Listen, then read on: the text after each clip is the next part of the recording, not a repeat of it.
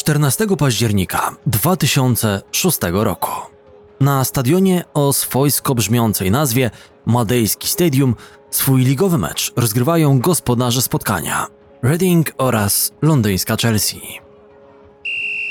Arbiter tego starcia, Mike Riley, dopiero co zdążył zagwizdać po raz pierwszy tego dnia. Z atakiem suną miejscowi, którzy starają się posłać długie podanie za linię obronną The Blues. Jest ono jednak niedokładne i Paulo Ferreira asekuruje futbolówkę, by móc pozwolić ją spokojnie złapać Petrowi Czechowi. Piłkarz gospodarzy, Irlandczyk Steven Hunt, uznaje jednak, że warto jeszcze powalczyć w tej akcji i goni za piłką do samego końca. Upór gracza Reading doprowadza do groźnej sytuacji. Nie mówimy tu jednak o udanej próbie strzału Hunta, a o tym, że jego kolano z całym impetem uderza w głowę interweniującego Petra Czecha. Uh.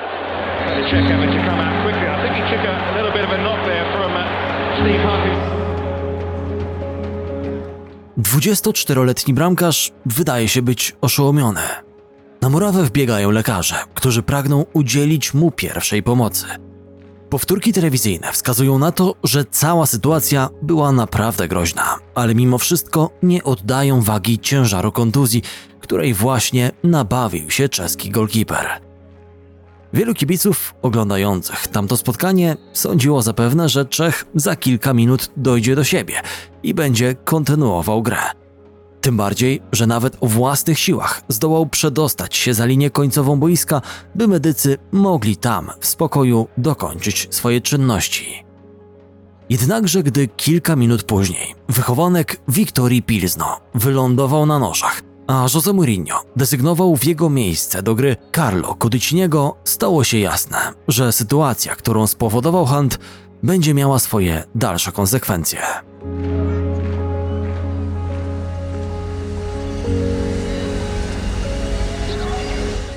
Szpitalu okazało się, że poza wstrząśnieniem mózgu zawodnik Chelsea doznał także wklęsłego złamania kości czaszki. Czech musiał przejść natychmiastową operację. Cząsteczki pokruszonych kości weszły w głąb jego głowy i istniało ryzyko, że uszkodzą tę część mózgu, która była odpowiedzialna za ruch. By temu zapobiec, lekarze wstawili mu metalowe płytki, które miały go przed tym ochronić. Wydawało się, że czeskiego bramkarza czeka bardzo długa przerwa od gry, a najwięksi czarnowidzowie wieszczyli nawet, że już nigdy nie powróci pomiędzy słupki. Nikt jednak nie sądził, że golkiper The Blues pojawi się na murawie już za nieco ponad 3 miesiące. 20 stycznia 2007 roku Petr Czech wybiegł na boisko w meczu ligowym, w którym Chelsea zmierzyła się z Liverpoolem.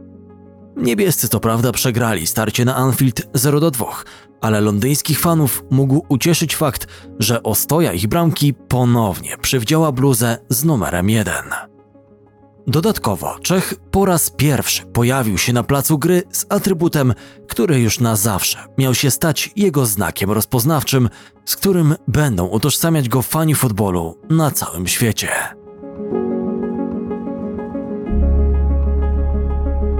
Na głowie wychowanka Wiktorii Pilzno pojawił się kask, wykonany przez nowozelandzką firmę Canterbury, która specjalizuje się w produkcji sprzętu do gry w rugby. Ochronne nakrycie głowy miało służyć nie tylko do protekcji części ciała, która w przeszłości uległa feralnemu wypadkowi, ale także dawać reprezentantowi Czech komfort psychiczny w przypadku ostrzejszych starć podbramkowych. Wiele osób zastanawiało się w tamtym momencie, czy traumatyczne przeżycia z meczu z Reading nie wpłyną na jakość gry golkipera Chelsea i nie sprawią, że ten zacznie grać w bardziej zachowawczy sposób, przez co spadnie prezentowany przez niego poziom.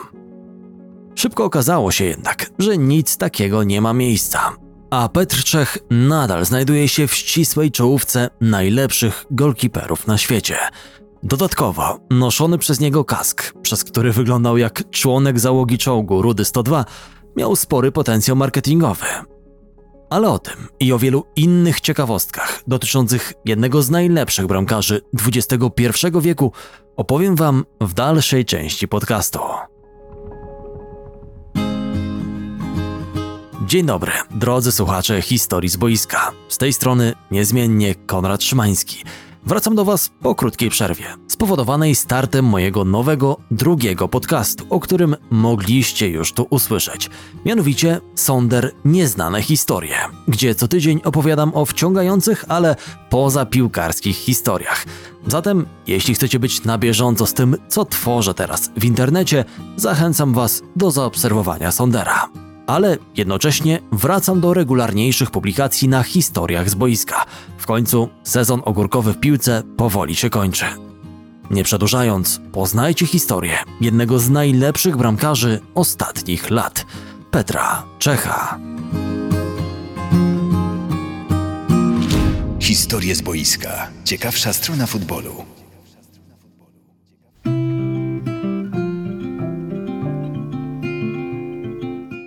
Czech urodził się w maju 1982 roku w Pilźnie jako jeden z trojaczków. Fakt ten powodował, że w czasie kariery zawodniczej przyszły golkiper był bardziej narażony na wszelkie urazy głowy. Moja czaszka jest nieco słabsza niż u innych ludzi, a to ze względu, że jestem jednym z trojaczków. Produkowane w łonie matki kości siłą rzeczy musiały być nieco słabsze dla trojga dzieci. Opowiadał w jednym z wywiadów bohater tego podcastu. Niestety, jeden z trojaczków, brat Petra, Michal, zmarł w wieku dwóch lat na skutek infekcji. Przygodę z futbolem przyszły reprezentant Czech rozpoczął w wieku 7 lat, gdy zaczął uczęszczać na treningi miejscowej Wiktorii Pilzno, wówczas funkcjonującej jeszcze pod nazwą Skoda. Od początku mały Petr zdawał się być podatny na kontuzję. Już jako dziesięciolatek doznał złamania nogi na jednym z treningów. Gdy po zaleczeniu urazu wrócił do klubu, trenerzy postanowili zmienić mu pozycję. Choć początkowo Czech biegał z przodu jako napastnik, wkrótce miał stanąć pomiędzy słupkami bramki. Przyczynić do tego miał się fakt, że już wtedy Młokos imponował doskonałymi jak na swój wiek warunkami fizycznymi. Dość powiedzieć, że w wieku 14 lat Petr mierzył już 185 cm wzrostu. Czas pokazał, że decyzja pilznerskich trenerów była strzałem w dziesiątkę. Sam Petr również czuł się na nowej pozycji jak ryba w wodzie i uznał, że sport to kierunek, w którym warto podążać. Co ciekawe, jako dziewięciolatek Czech wystąpił w serialu rodzimej produkcji o nazwie, którą można przetłumaczyć jako Terytorium Białego Jelenia, gdzie odgrywał rolę chłopca o imieniu Honza. Mokos nie połknął jednak filmowego bakcyla i zdecydowanie lepiej czuł się na boisku, aniżeli na planie zdjęciowym. Kilka lat później Petr zaczął być już powoływany do reprezentacji Czech U15, a w wieku 17 lat zamienił Wiktorię Pilzno na klub o nazwie Chmel Bylsane. Z dzisiejszej perspektywy taki ruch może dziwić, gdyż ekipa z Pilzna w ostatnich latach regularnie zdobywała mistrzostwo kraju, ale pod koniec lat 90. Wiktoria była klubem, który balansował na krawędzi pierwszej i drugiej ligi czeskiej, a ekipa z liczących sobie niespełna tysiąc mieszkańców Blsan przez 7 lat utrzymywała się w piłkarskiej elicie naszych południowych sąsiadów. Po dwóch latach gry dla Chmelu przyszły zwycięzca Ligi Mistrzów wspiął się na kolejny szczebelek w karierze i zamienił maleńkie Blsany na Spartę Praga. W drużynie ze stolicy Czech Petr spędził zaledwie jeden sezon, ale to wystarczyło, by 20-letni Wonderkid zwrócił na siebie uwagę zachodnich marek. Co prawda, w czasie praskiego epizodu Petrowi i jego kolegom nie udało się obronić mistrzowskiego tytułu, który stracili na rzecz Slowana Liberec, ale sam bohater tego podcastu pokazał się z jak najlepszej strony.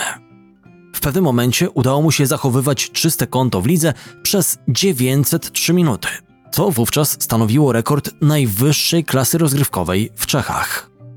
Dodatkowo Sparta z bardzo dobrej strony pokazała się w Champions League, gdzie w fazie grupowej dwa razy odprawiła z kwitkiem Feyenoord, Do tego wygrała i zremisowała ze Spartakiem Moskwa i urwała punkty na wyjeździe Bayernowi. Zresztą bezbramkowy remis, który mistrzowie Czech wywalczyli w starciu z Bawarczykami, w dużej mierze był zasługą ich golkipera, który bronił w tym meczu jak w transie. W nagrodę Prażanie zakwalifikowali się do kolejnej rundy, w której znów musieli rywalizować w grupie. Tym razem jednak nie podołali zadaniu, jakim był awans do ćwierćfinału, uznając wyższość Realu Madryt i Panathinaikosu. Jednakże i w tej fazie piłkarze Sparty potrafili pokusić się o sprawienie niespodzianek, jak wygrana w pojedynczych meczach z Panatą i FC Porto. Tak, udany występ Czechów w europejskich pucharach stanowił świetne okno wystawowe dla ich młodego golkipera, który był jednym z najjaśniejszych punktów zespołu. Jeszcze większą uwagę skautów Petr przykuł w maju 2002 roku, kiedy to reprezentacja Czech do lat 21 sięgnęła na szwajcarskich boiskach po tytuł Mistrzów Kontynentu. Podopieczni trenera Mirosława Beranka, w składzie których poza Czechem znajdowali się jeszcze chociażby Zdenek Grygera czy Milan Barosz, którzy już niebawem mieli stanowić trzon dorosłej kadry, zmierzyli się w wielkim finale z rówieśnikami z Francji. Tak udany sezon w wykonaniu dwudziestolatka, który pokazał się szerszej publiczności, musiał zaowocować dużym zainteresowaniem jego osobą ze strony możniejszych klubów z czołowych lig Europy. Dużo mówiło się o podchodach ze strony angielskich drużyn, a wśród nich wymieniało się chociażby takie nazwy jak Arsenal czy Everton. Problemem w przeprowadzeniu transferu na wyspy był jednak fakt, że Czechy nie były jeszcze wówczas członkiem Unii Europejskiej, co wiązało się z większymi trudnościami w czasie procesu uzyskiwania pozwolenia o pracę. Wybór młodego Golden Boya padł ostatecznie na francuskie Rennes, które w rodzimej lidze wcielało się raczej w rolę średniaka. Decyzja Czecha była jednak przemyślana. Petr chciał przede wszystkim trafić do klubu, który zapewniłby mu możliwość gry w pierwszym składzie. W zespole z Brytanii dostępu do bramki bronił natomiast wiekowy już Eric Durant, który zbliżał się do końca kariery. To niemalże gwarantowało dwudziestolatkowi wskoczenie pomiędzy słupki ekipy z ligę z marszu. W dodatku występy w Ren nie wiązały się z jakąś przesadną presją, gdyż był to zespół bijący się raczej o miejsce w środku tabeli, ale jednocześnie zapewniający młodzianowi występy w lidze z europejskiego topu i sporo okazji do wykazania się i dalszego rozwoju. Petr chciał budować swoją karierę stopniowo, nie rzucając się od razu na głęboką wodę, lecz wdrapywać się na górę schodek po schodku. Czech pokazywał w tej sytuacji, że potrafi być cierpliwy i podejmować mądre decyzje. Zresztą inteligencja, nie tylko boiskowa, to była cecha, która charakteryzowała tego piłkarza przez całą karierę. Faktycznie, Wren nie mógł liczyć na sukcesy drużynowe, bo ekipa z Brytanii bardziej musiała martwić się o ligowy byt, aniżeli myśleć o sięganiu po trofea. Jednakże przez dwa sezony gry w barwach czerwono-czarnych Petr nadal budował swoją markę, aż w końcu francuska ekipa stała się dla niego za ciasna, a giganci z Premier League znów zaczęli zabiegać o jego względy. Sir Alex Ferguson osobiście fatygował się na trybuny stadionu Ren, by ujrzeć go w akcji. Reprezentant Czech podchodził jednak do tematu, jak zwykle, z pokorą i chłodną głową. Myślę, że poczyniłem postępy od czasu przyjazdu do Francji, ale wciąż popełniam błędy. Tej chwili myślę tylko o tym, by moja drużyna utrzymała się w lidze. Na temat transferu możemy porozmawiać po sezonie. Z przyjemnością zostanę w Rennes. Tu jest cicho i spokojnie. Francuzi wiodą dobre życie i mają pyszne jedzenie. W Czechach nie mamy oceanu, a ja uwielbiam owoce morza. Mówił pytany o ewentualną zmianę barw klubowych jeszcze w czasie pierwszego sezonu gry we Francji, w którym to jego klub zapewnił sobie utrzymanie dopiero w ostatniej kolejce ligowej. W czasie kolejnego sezonu nie zwlekał jednak do jego końca, by poczynić kolejny krok na ścieżce rozwoju. Chelsea, która dzięki pieniądzom Romana Abramowicza rosła w tym czasie w siłę, przyklepała transfer czeskiego golkipera już w lutym 2004 roku. Sam zainteresowany przeniósł się jednak na Stamford Bridge dopiero po zakończeniu sezonu. Gdy 23 maja 2004 roku trener Laszlo Boloni zmienił go w 88 minucie spotkania pomiędzy Rennes a Montpellier, które kończyło sezon ligowy, ponad 20 tysięcy kibiców zgromadzonych tego dnia na trybunach zgotowało swojemu idolowi owację na stojąco, dziękując mu za dwa lata gry dla ich ukochanego zespołu. Nim jednak Czech zawitał do Londynu, pojechał wraz z kolegami z kadry narodowej na turniej Euro 2004 do Portugalii, gdzie drużyna prowadzona przez doświadczonego trenera Karela Brucknera otarła się o sukces.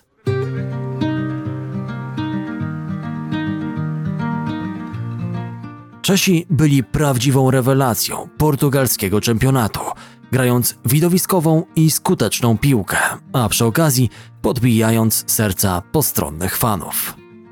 Zespół, który łączył w sobie werwę i fantazję młodzieżowych mistrzów Europy z 2002 roku z jakością i doświadczeniem weteranów Euro 96 w postaci chociażby Nedveda czy Poborskiego. Szedł przez ten turniej jak burza, pokonując kolejno Łotyszy, Holendrów i Niemców w fazie grupowej oraz Duńczyków w meczu ćwierćfinałowym. I gdy wielu fanom futbolu wydawało się, że ekipa z kraju piwa i knedli sięgnie po najważniejszy laur na tym czempionacie, nadszedł feralny mecz półfinałowy, w którym Czesi ulegli późniejszym sensacyjnym triumfatorom Grekom. Ale o ich występie opowiedziałem Wam szerzej w osobnym odcinku podcastu, do którego zapraszam. Zbliżał się moment, kiedy to większość fanów futbolu miała zgodnie uznać czeskiego golkipera za człowieka ze ścisłego bramkarskiego topu, a ten miał się również nasycić pasmem sukcesów klubowych dzięki ponad dekadzie spędzonej na Stamford Bridge. Czech trafił do Londynu w momencie, w którym stery w Chelsea przejmował Jose Mourinho. Wychowanek Wiktorii Pilsno nie był piłkarzem, którego portugalski szkoleniowiec pragnął mieć w swojej drużynie. Decyzja o transferze bramkarza Ren zapadła przed przybyciem Jose do stolicy Anglii. W dodatku na Stamford Bridge od kilku sezonów występował włoski golkiper Carlo Cudicini, który chociaż miał problem z przekonaniem do siebie klubowych działaczy i trenerów, zdawał się być ulubieńcem trybun.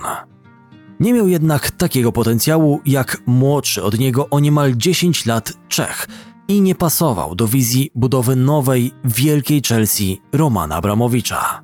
W dodatku był graczem podatnym na kontuzję i taka też przytrafiła mu się w czasie okresu przygotowawczego do sezonu 2004-2005. Do tamtej pory bramkarzem Chelsea był Cudicini, wybrany sezon wcześniej przez kibiców najlepszym zawodnikiem w zespole. Pierwszy mecz sezonu graliśmy z Manchesterem United, a ja zdecydowałem, że najlepszy piłkarz poprzedniego sezonu usiądzie na ławce. A zagra dzieciak, którego nazwiska wtedy większość ludzi w Anglii nawet nie potrafiła wymówić. To był mój wkład w karierę Czecha. Potem wszystko już zależało od niego. Ja nie wpłynąłem na jego karierę w najmniejszym stopniu. To po prostu wielki profesjonalista i wybitny bramkarz. Wspominał po latach początki wspólnej pracy z Czechem José Mourinho. Postawienie na 22-letniego gracza okazało się strzałem w dziesiątkę. Petr wydatnie przyczynił się do zdobycia przez Chelsea pierwszego od 50 lat Mistrzostwa Anglii, zachowując czyste konto w aż 24 z 35 spotkań ligowych, w których wystąpił. W dodatku, w czasie trwania tamtej kampanii zaliczył okres 1025 minut bez straty gola. Przeskok do futbolowego świata z najwyższej półki odbył się bezboleśnie. Były zawodnik Ren był jedną z twarzy wielkiego projektu Abramowicza pod batutą Mourinho.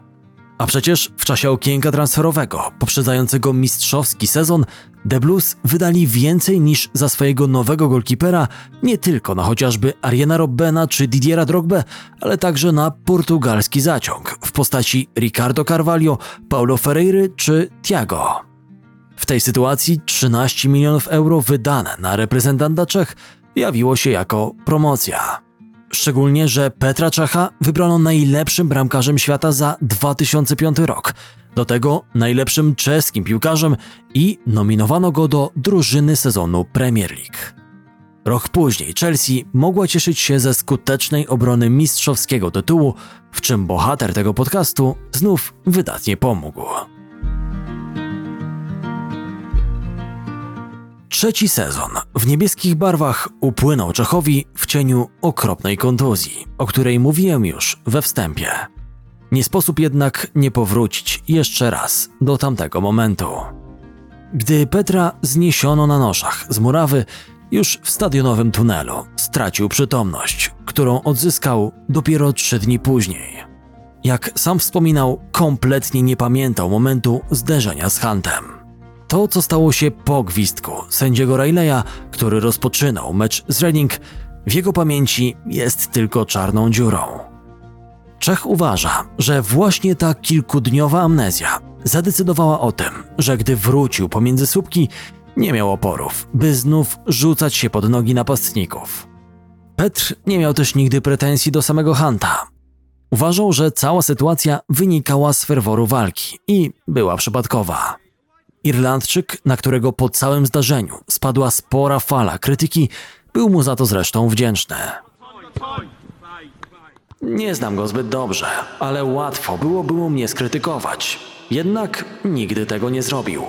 Jestem wdzięczny, że zachowywał się właśnie w ten sposób.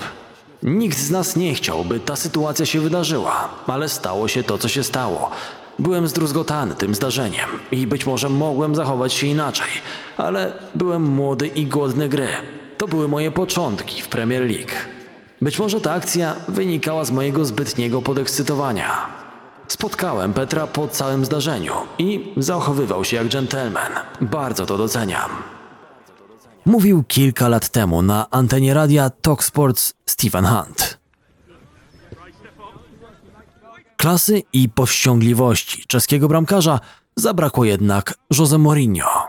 Portugalski menedżer po całym zdarzeniu krytykował zarówno Hanta, sugerując, że jego zagranie było celowe, ale także dyspozytora karetek pogotowia i sam zespół medyczny, który oskarżał o opieszałość w działaniu i narażenie Czecha nawet na utratę życia.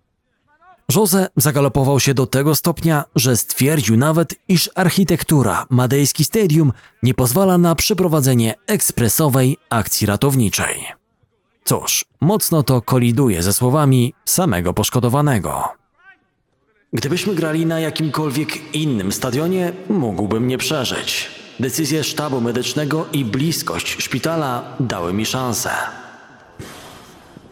Pewnym usprawiedliwieniem dla zachowania The Special One może być fakt, że w czasie feralnego meczu z Reading przedwcześnie z murawy musiał zejść także Carlo Cudicini, który doznał urazu w powietrznym starciu z piłkarzami gospodarzy.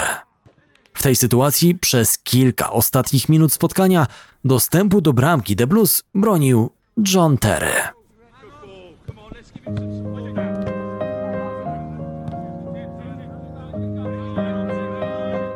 Chociaż reprezentant Czech powrócił do gry zaskakująco szybko i wkrótce pokazał, że tamte trudne chwile nie wpłynęły na jego wielką klasę, to przystosowanie się do gry z kaskiem ochronnym na głowie musiało mu chwilę zająć.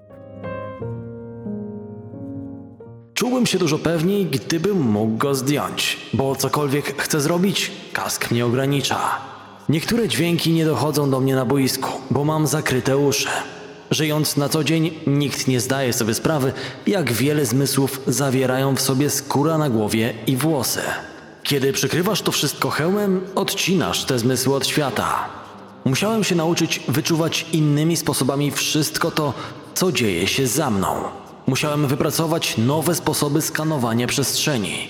To była największa i na dłuższą metę właściwie jedyna zmiana. Wkładania specyficznego nakrycia głowy wymagała jednak umowa z zakładem ubezpieczeniowym. Wkrótce kask stał się również przedmiotem sporu marketingowego. Jak wspominałem wcześniej, został on wykonany przez nowozelandzką firmę Canterbury, która specjalizowała się w produkcji sprzętu do gry w rugby. Taka sytuacja nie była w smak Pumie i Adidasowi, które ubierały odpowiednio reprezentację Czech i Chelsea. Ostatecznie to Adidas postanowił wykonać własny model kasku, który golkiper The Blues zakładał w czasie spotkań rozgrywanych przez niego dla tego zespołu. W starciach reprezentacyjnych Czech zakładał natomiast kask pozbawiony jakichkolwiek logotypów.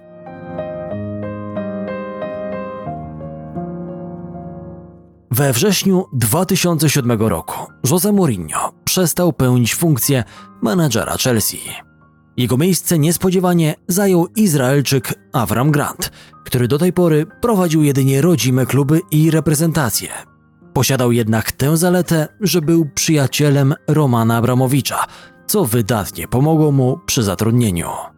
O dziwo, to właśnie ten szkoleniowiec doprowadził Londyńczyków do finału Ligi Mistrzów, czego wcześniej nie potrafił uczynić The Special One.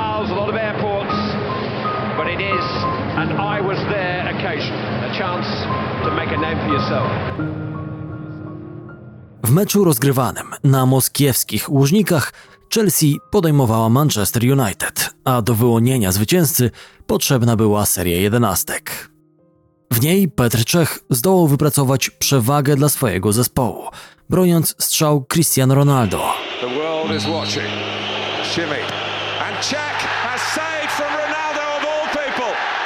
The Lecz fatalne pomyłki Johna Terego i Nicolasa Anelki pozbawiły podopiecznych Granta złudzeń. Przez kilka sezonów wydawało się, że Liga Mistrzów to dla zespołu należącego do Abramowicza jedynie mrzonka. Sukces przyszedł jednak w najbardziej niespodziewanym momencie, a jednym z jego ojców chrzestnych był bohater tego podcastu. Historie z boiska. Ciekawsza strona futbolu.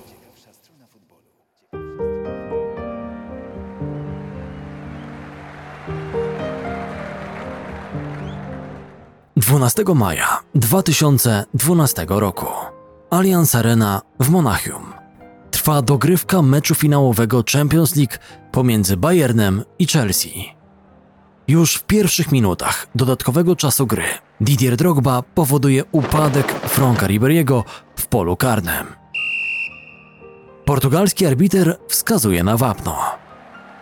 Do futbolówki ustawionej na 11 metrze podchodzi Arjen Robben. Naprzeciwko niego staje jego były kolega klubowy, Petr Czech. Wychowanek Wiktorii Pilzno już w pierwszej połowie sparował groźny strzał Holendra na poprzeczkę. Teraz piłkarz Bawarczyków ma okazję do rewanżu. Bierze kilkumetrowy rozbieg i uderza płasko w prawy róg bramki golkipera Chelsea. Czeski bramkarz wyczuwa intencje strzelca. Uderzenie jest jednak na tyle silne, że prześlizguje się pod brzuchem Petra. Nie przekracza jednak linii bramkowej. Przez moment wydaje się, że Robben ma jeszcze szansę dobiec do futbolówki i dobić zniweczony strzał. Po chwili dezorientacji Czech uświadamia sobie jednak, w którym miejscu znajduje się odbita przez niego piłka i rzuca się na nią, przykrywając ją swoim ciałem – i tym samym krzyżując plany piłkarza Bayernu oraz utrzymując swój zespół przy życiu.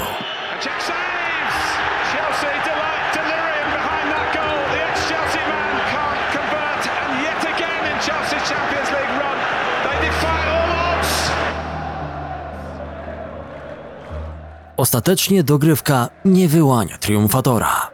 Potrzebna jest do tego seria jedenastek. W niej Petr przypuszcza trzy pierwsze strzały zawodników z Monachium, a w obliczu pudła Juana Maty szanse The Blues na wywalczenie Pucharu Ligi Mistrzów zaczynają niebezpiecznie maleć. Wtedy jednak nadchodzi moment chwały bohatera dzisiejszego podcastu. Najpierw Czech zbija do boku silny strzał Iwice Olicia, a następnie wyczuwa intencje Schweinsteigera i koniuszkami palców muska uderzoną przez niego piłkę, która ta ostatecznie odbija się od słupka.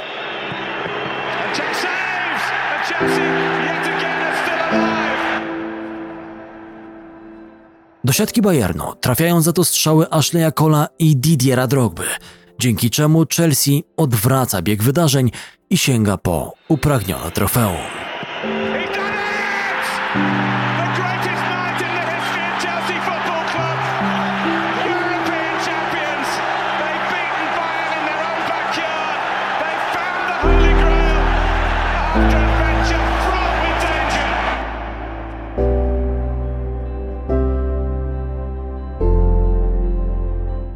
Petr obronił trzy karne w finale, a po wszystkim pobiegł wprost do mnie, tak jakbym to ja był bohaterem tamtego wieczoru w Monachium.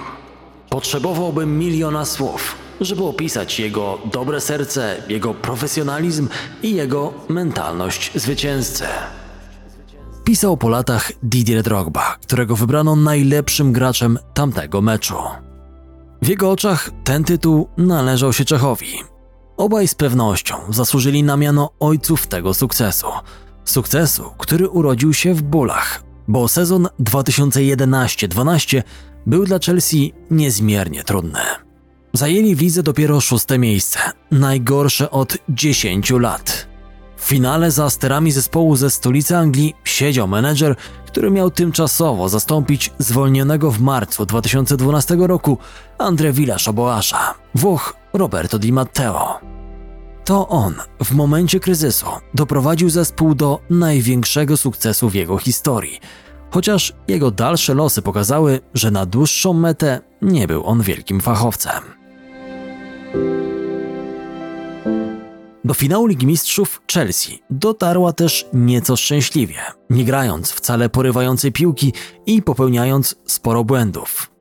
O końcowym sukcesie drużyny ze Stamford zadecydowały w dużej mierze indywidualności, tak jak miało to miejsce w wielkim finale.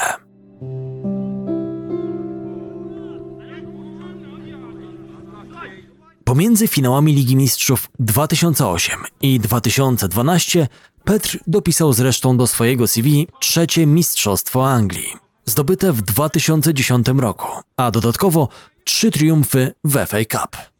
Natomiast tydzień przed spotkaniem z Bayernem The Blues sięgnęli także po Puchar Anglii. Można zatem powiedzieć, że triumf w rozgrywkach Ligi Mistrzów był perłą w koronie, którą dzierżył na głowie czeski bramkarz. Król i strażnik twierdzy Stamford Bridge. Król, który w tamtym momencie mógł się powoli szykować do abdykacji. Petr jeszcze przez dwa sezony sprawował rolę pierwszego golkipera Chelsea. W tym czasie dorzucił do gabloty puchar za triumf w Lidze Europy z 2013 roku. Jego panowanie zakończył ten, który jako pierwszy wprowadził go do drużyny Jose Mourinho.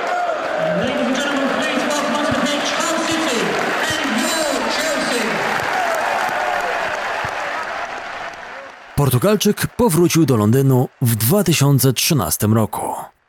Przed sezonem 2014-15 postanowił sprowadzić na Stamford Bridge nowego strażnika twierdzy Thibaut Courtois. Jose martwiły kontuzje, które coraz częściej dręczyły czeskiego weterana. Chciał mieć w bramce młodego i perspektywicznego golkipera. Tak jak dekadę wcześniej Czech zajmował w bramce miejsce Kudiciniego, tak teraz to Petr znalazł się na miejscu Włocha. O ile jednak trzykrotny mistrz Anglii pogodził się z przegraniem rywalizacji z młodszym konkurentem, tak nie pogodził się z rolą rezerwowego. W 2015 roku Petr mógł dopisać do CV czwarte mistrzostwo Albionu. Było ono jednak dla niego mało satysfakcjonujące, gdyż odegrał w nim trzecioplanową rolę, wychodząc na ligowe boisko zaledwie siedmiokrotnie. Czech natomiast nadal czuł się na siłach, by pełnić funkcję pierwszego golkipera. Niekoniecznie na Stamford Bridge.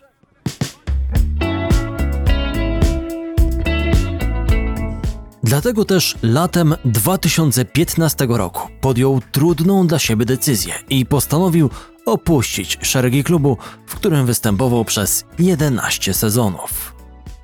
Chętnych do jego zatrudnienia nie trzeba było długo szukać. Lista potencjalnych pracodawców była długa.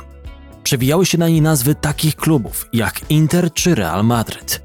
Petr zapuścił już jednak korzenie na Wyspach Brytyjskich i nie bardzo cieszyła go wizja wyjazdu poza ich terytorium. W zasadzie nie chciał nawet wyjeżdżać ze stolicy Anglii, w której poukładał sobie życie prywatne. Dlatego też postanowił dołączyć do klubu z tego samego miasta, co dla fanów Chelsea mogło stanowić sporą kontrowersję. Jednakże lata występów w barwach The Blues i lista zasług dla tej ekipy oraz to, że jego pozycja w tym klubie mocno osłabła, jeśli chodzi o wartość czysto sportową, sprawiły, że kibice z niebieskiej części Londynu zrozumieli jego decyzję. Zrozumieli ją także działacze i dali zielone światło na to, by pod koniec czerwca 2015 roku czeski weteran podpisał kontrakt z Arsenalem.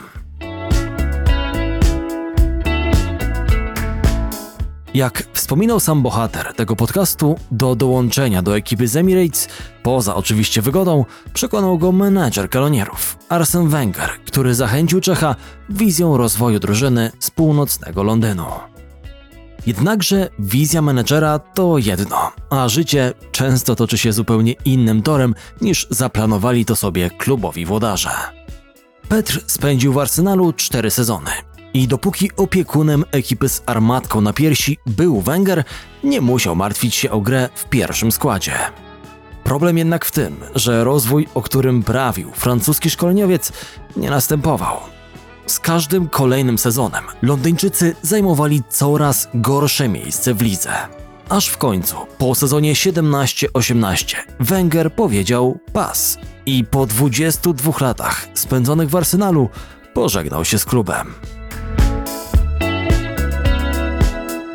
W międzyczasie Petrowi zdarzyło się krytycznie odnieść do atmosfery panującej w szatni zespołu z Emirates Stadium i zdradzić mediom, iż uważa, że na piłkarzach kanonierów spoczywa zbyt mała presja i zbyt mało się od nich wymaga, co negatywnie wpływa na mentalność zawodników.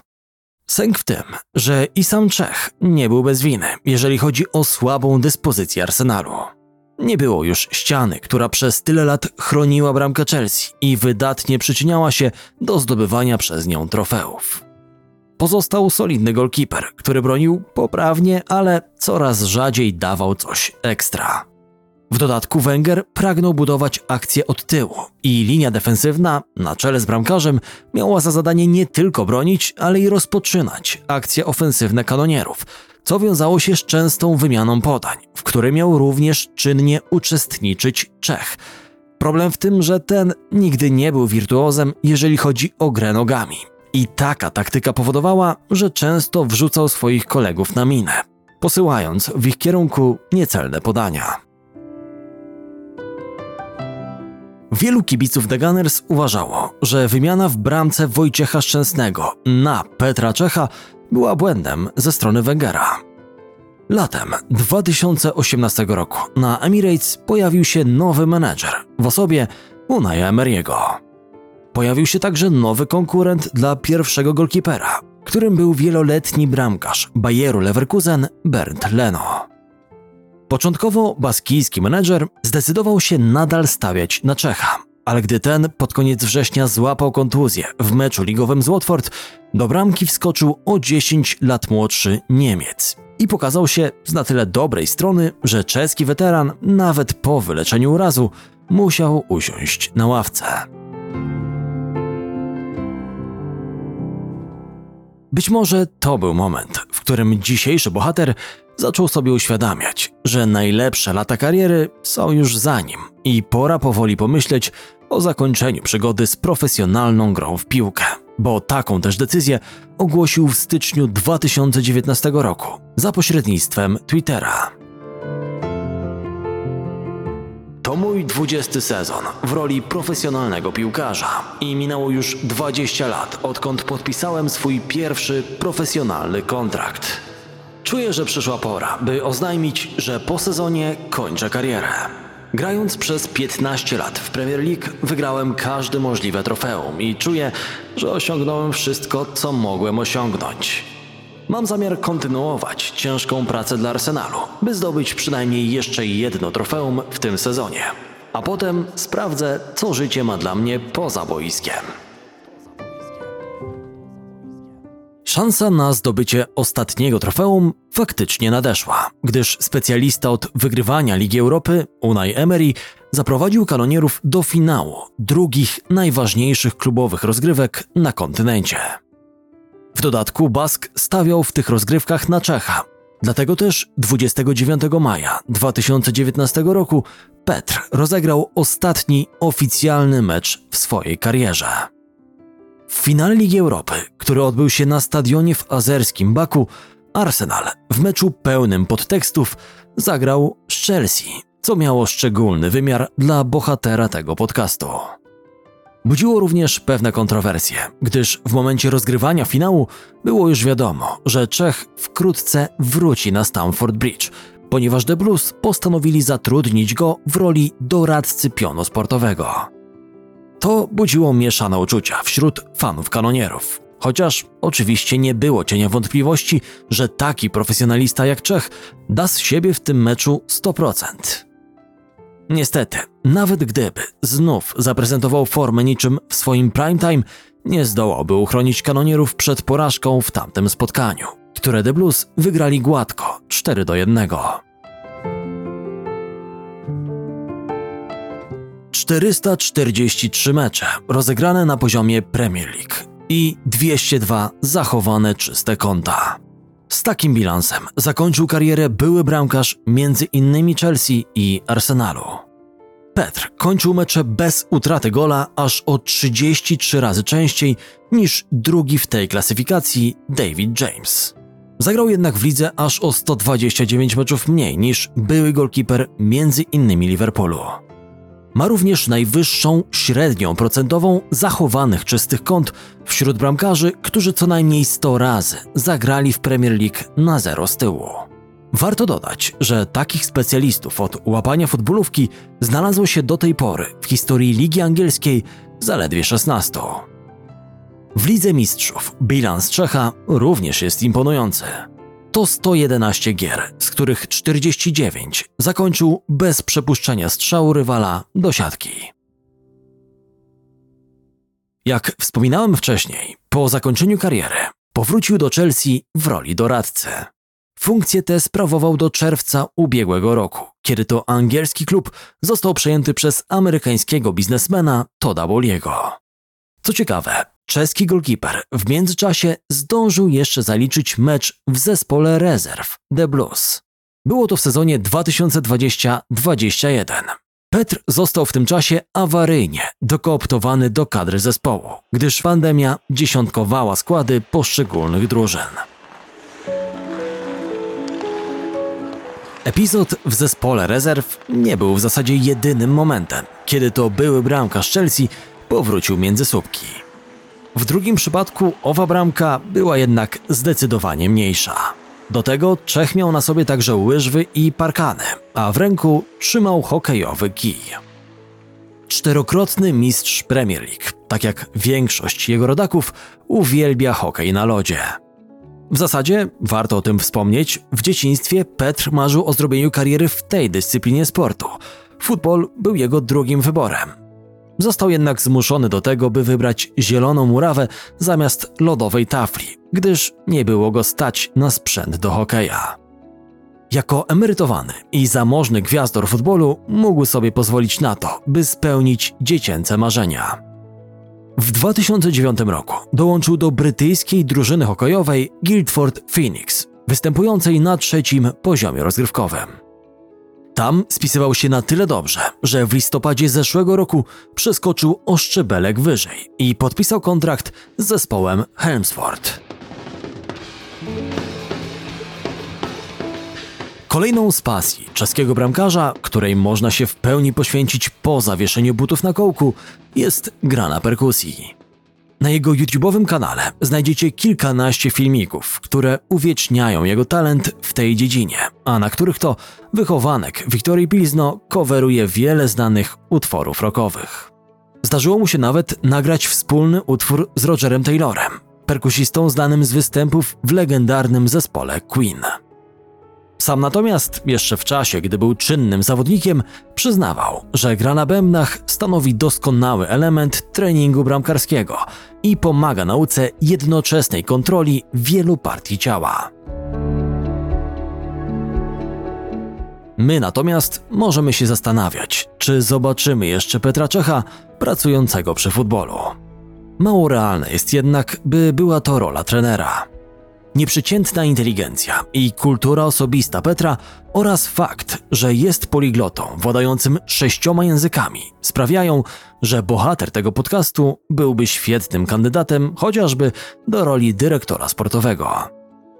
Jakąkolwiek jednak ścieżkę rozwoju były golkiper Chelsea wybierze, nie zmieni to faktu, że już na zawsze zapisał się w historii piłki nożnej, będąc bezapelacyjnie jednym z największych specjalistów w swoim fachu w XXI wieku i być może najlepszym bramkarzem, jaki kiedykolwiek grał w Premier League.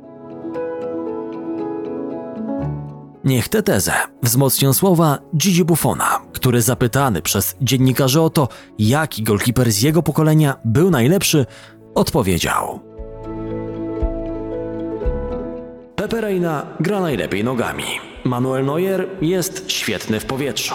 Iker Casillas kapitalnie gra rękoma. Ale jeżeli chodzi o całokształt, to myślę, że najlepszy jest Petr Czech. Moi drodzy, tradycyjnie napiszcie w komentarzu na YouTube pod tym odcinkiem albo na Spotify w odpowiedzi, z czym kojarzy Wam się sylwetka Petra Czecha. Może być to wydarzenie, cecha, konkretny mecz czy cokolwiek innego przyjdzie Wam do głowy. Sekcja komentarzy stoi przed Wami otworem. Raz jeszcze zapraszam Was na mój drugi podcast Sonder Nieznane Historie, który znajdziecie na YouTube, Spotify i w pozostałych aplikacjach podcastowych. Konrad Szymański, kłaniam się nisko. Do usłyszenia niebawem.